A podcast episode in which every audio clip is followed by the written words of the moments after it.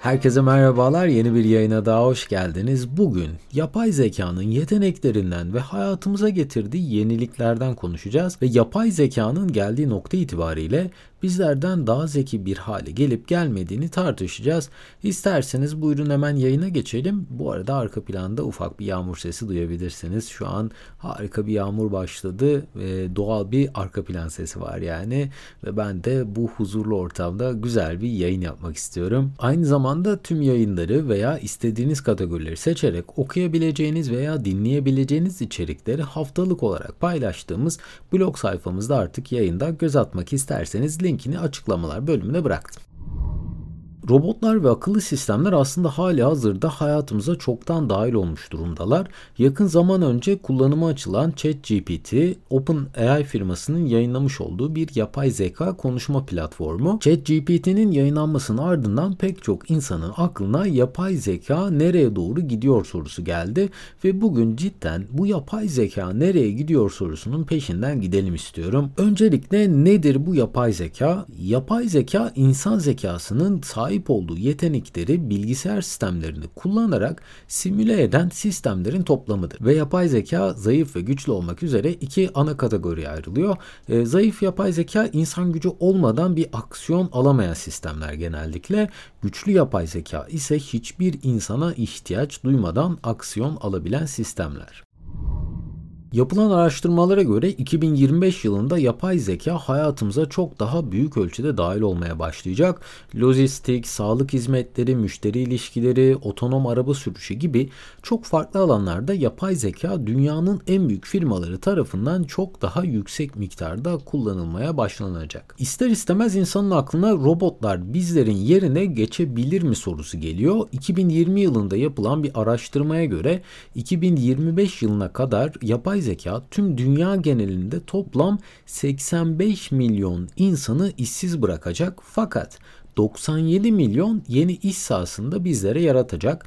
E, bu araştırmayı da okumak isterseniz yine linkini bırakıyorum. Belki şunu düşünebilirsiniz. İşini kaybedecek olan 85 milyon insan yeni yaratılan iş sahasında iş bulabilir. Hatta buradaki iş miktarını bile karşılamayabilir diye düşünebilirsiniz. Fakat gerçekten ne yazık ki bu mümkün değil. Yapay zekanın işsiz bırakacağı en büyük kesim mavi yaka işler ve mavi yaka çalışanlar ve belli bir miktarda da beyaz yaka çalışan aynı zamanda. Yani kendini geliştirmeyen, bir konuda ileri seviye taşımayan insanlar için her geçen yıl iş bulmak zorlaşacak ne yazık ki ve hepimizin görmeye alıştığı belki de bu vasıfsız eleman aranıyor ilanları yakın gelecekte tamamen tarihe karışabilir. Hiçbir zaman burada çalışan insan sayısı sıfıra inmeyecek tabii ki ama her geçen yıl bu sektör giderek daralacak. İşini kaybeden insanlar ise hayatta kalabilmek için kendilerini geliştirmek zorunda kalacaklar.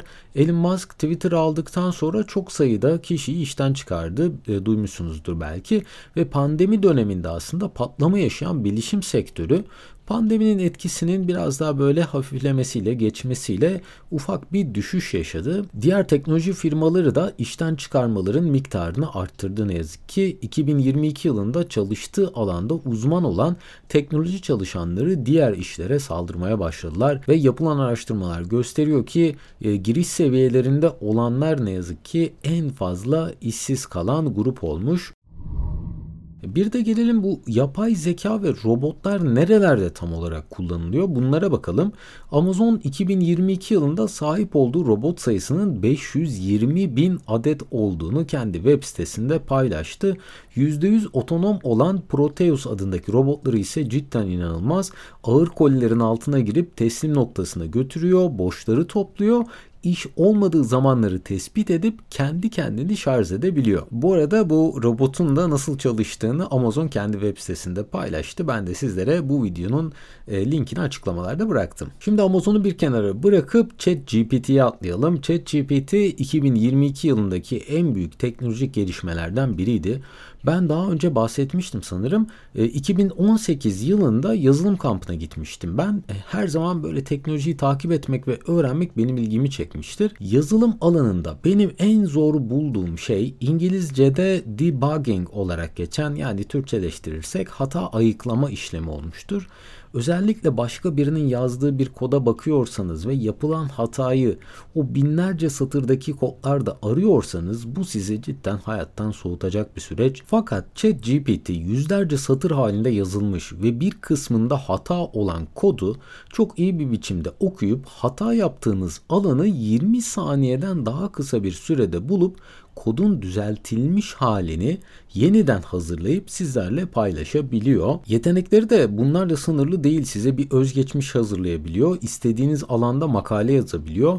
E, daha önceki e, yapmış olduğunuz aramaları da kaydedip ilerleyen zamanda sizin en çok hoşunuza giden tarzda yanıtlar üretmeye başlıyor. ChatGPT'nin yeteneklerini böyle adım adım açıklayan harika videolar YouTube'da mevcut. Bunlar içinde benim en faydalı bulduğum videoyu da yine sizlerle paylaştım. Hatta bu videoları incelerken 10 dakika içerisinde ChatGPT'yi kullanarak yapılacaklar listesi uygulaması hazırlayan birine denk geldim. Eğer yazılımla uğraşıyorsanız genellikle bu ilk hazırladığınız projelerden bir tanesidir.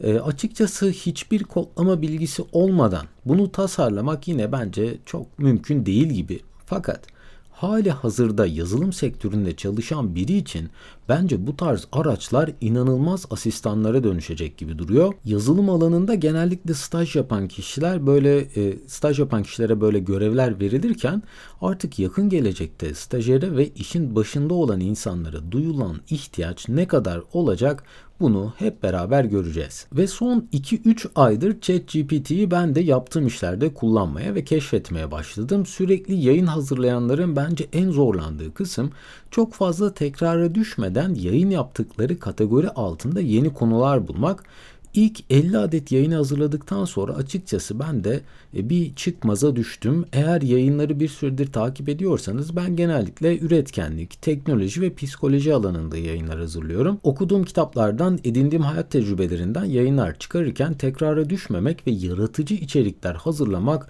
açıkçası e, bayağı zor bir süreç ve ben de ChatGPT'ye tek tek bunları açıkladım. Ne tür yayınlar yaptığımı ChatGPT'ye söyledim e, ve birbirinin tekrarı olmayan fakat konuştuğum kategorilerin dışına da çıkmadan bana yaratıcı başlıklar üretmesini istedim ve dinlemiş olduğunuz son 10 yayının başlığını ChatGPT seçti. Tabii ki direkt olarak ben e, kullanmadım.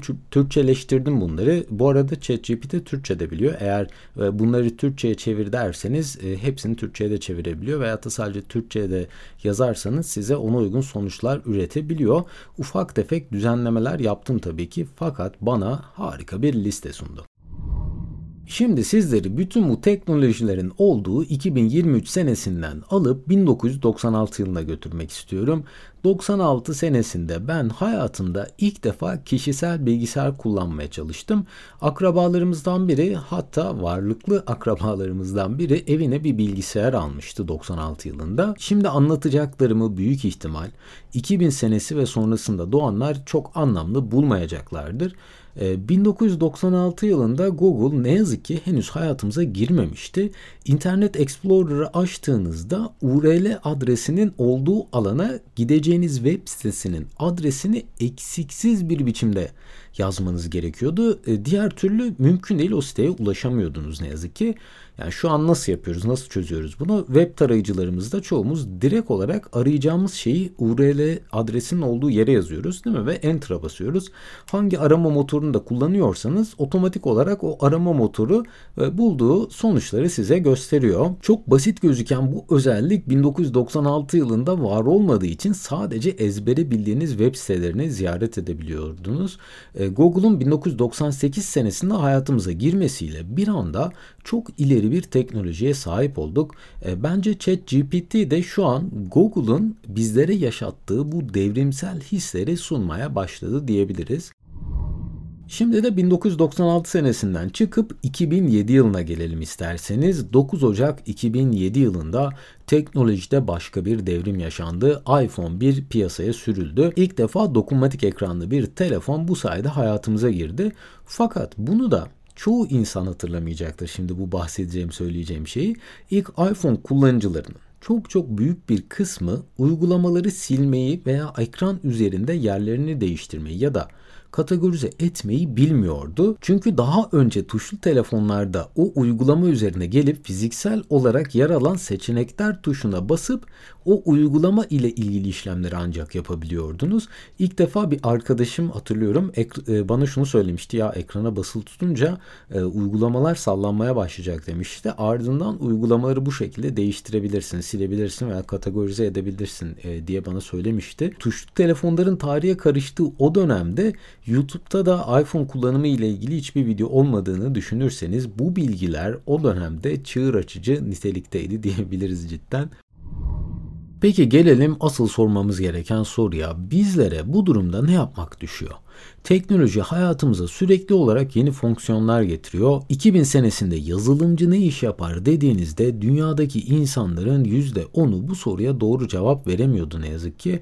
Fakat teknoloji ile şu an hayatımıza inanılmaz derecede yeni meslek grupları katıldı. Sürekli olarak bir şeylerin geliştiği ve fiziksel güçle yapılan işlerin değersizleştiği bir devirde kendini bu yeniliklere adapte edemeyenler en zor günleri er ya da geç yaşayacaklardır. Belki bir mavi yaka çalışan olmayabilirsiniz şu an. E, fakat mühendis de olsanız, doktor da olsanız, avukat da olsanız veya e, spor eğitmeni de olsanız çalıştığınız alanda gelişmez iseniz kendinizi her gün bir adım ileri taşımazsanız sizin çok emek ve zaman harcayarak yaptığınız işi birileri veya da işleri birileri bir takım araçlarla çok daha basit ve hızlı bir biçimde yapacaktır. Ben mühendislik fakültesinde öğrenciyken AutoCAD ve SolidWorks eğitimleri alıyordum. Bu programları öğrenmek o zaman yani cidden şu ankinden 50 kat daha zordu. Çünkü bu programları bilen çok insan yoktu ve ancak büyük şehirlerde bu programların kursları açılıyordu. Geçenlerde Shepard 3D adında bir programa denk geldim. Bu program iPad üzerinde Apple Pencil ile 3 boyutlu çizimler yapmanızı sağlayan kullanımı çok basit bir program ve AutoCAD gibi, SolidWorks gibi daha kompleks programların yaptığı pek çok şeyi yapabiliyor bu program aynı zamanda. Ee, sadece Apple cihazlarda da değil tüm Android ve Windows cihazlarda çalışıyor. Ayrıca öğrenciler için tam versiyonu da ücretsiz. Kendi web sitelerinde de harika ücretsiz eğitimler oluşturmuşlar. Ee, bu eğitimlerin arasında da sadece 16 bölümde sıfır sıfırdan bir elektrik motoru tasarlayabileceğiniz bir eğitim var ki benim ağzım açık kaldı cidden ve bölümler sadece 4-5 dakikalık. Yine beni etkileyen başka bir uygulamadan da yayını kapatmadan bahsetmek istiyorum. Procreate e, bu sadece iPad ile kullanabileceğiniz bir program ve dijital çizimler yapmanızı sağlayan bir program. Yine tüm eğitimleri tamamen ücretsiz olarak paylaşmışlar. Ben bu programı görünce nedense kuzenimi hatırladım. Ne alaka diyebilirsiniz belki. E, hikayeyi şöyle kısaca paylaşayım. Kuzenim benden 5-6 yaş daha büyük. Biz çocukken kendisi inanılmaz bir çizim yeteneğine sahipti. Elinde böyle sürekli bir çizim defteri, bir kara kalemi vardı, bir silgisi vardı. Bunlarla dolaşırdı ve harika çizimler yapardı. Ve bence çizim yapmak çok özel bir yetenek. Fakat biz o dönem Aydın'ın Söke ilçesinde yaşadığımız için onun bu yeteneğini geliştirebileceği hiçbir araç, hiçbir kurum ne yazık ki mevcut değildi. Şimdi kendisi bir sağlık çalışanı, haftanın 6 günü bir ambulansta çalışıyor. E, cidden zor bir iş. Yani sağlık sektöründe çalışanlar kazandığı parayı yani son kuruşuna kadar cidden hak ediyorlar. Ve kendisi bu çizim yeteneğini ne yazık ki hiçbir zaman kullanamadı. Bazen aklıma geliyor diyorum ki ya bu teknolojiler o dönem olsaydı veyahut da bir şeyler üretebilmek bu kadar basit olsaydı, paylaşabilmek bu kadar basit olsaydı. Yani düşünün o dönemde yaptığınız işi ancak fiziksel olarak e, bir yere teslim edebiliyordunuz, gösterebiliyordunuz ve e, inanılmaz bir çevreniz yoksa, e, inanılmaz kurumlar çevrenizde, yakınınızda değil değilse bu tarz şeyleri keşfedilmesi neredeyse imkansızdı diyebiliriz. Kendisi şimdi evli, çocuklu ve güzel bir hayat var ama sahip olduğu bu yetenek ne yazık ki hiçbir zaman gün yüzüne çıkamadı. Artık bir şeyler üretmek, tasarlamak, yeni şeyler öğrenmek çok daha kolay bir hale geldi. Belki bu yayında daha önce hiç duymadığınız programları duymuş olabilirsiniz. Hepsinin linkini ekledim. Açın, bakın, birkaç eğitim videosu izleyin, yeni teknolojiler öğrenin, araştırın, okuyun.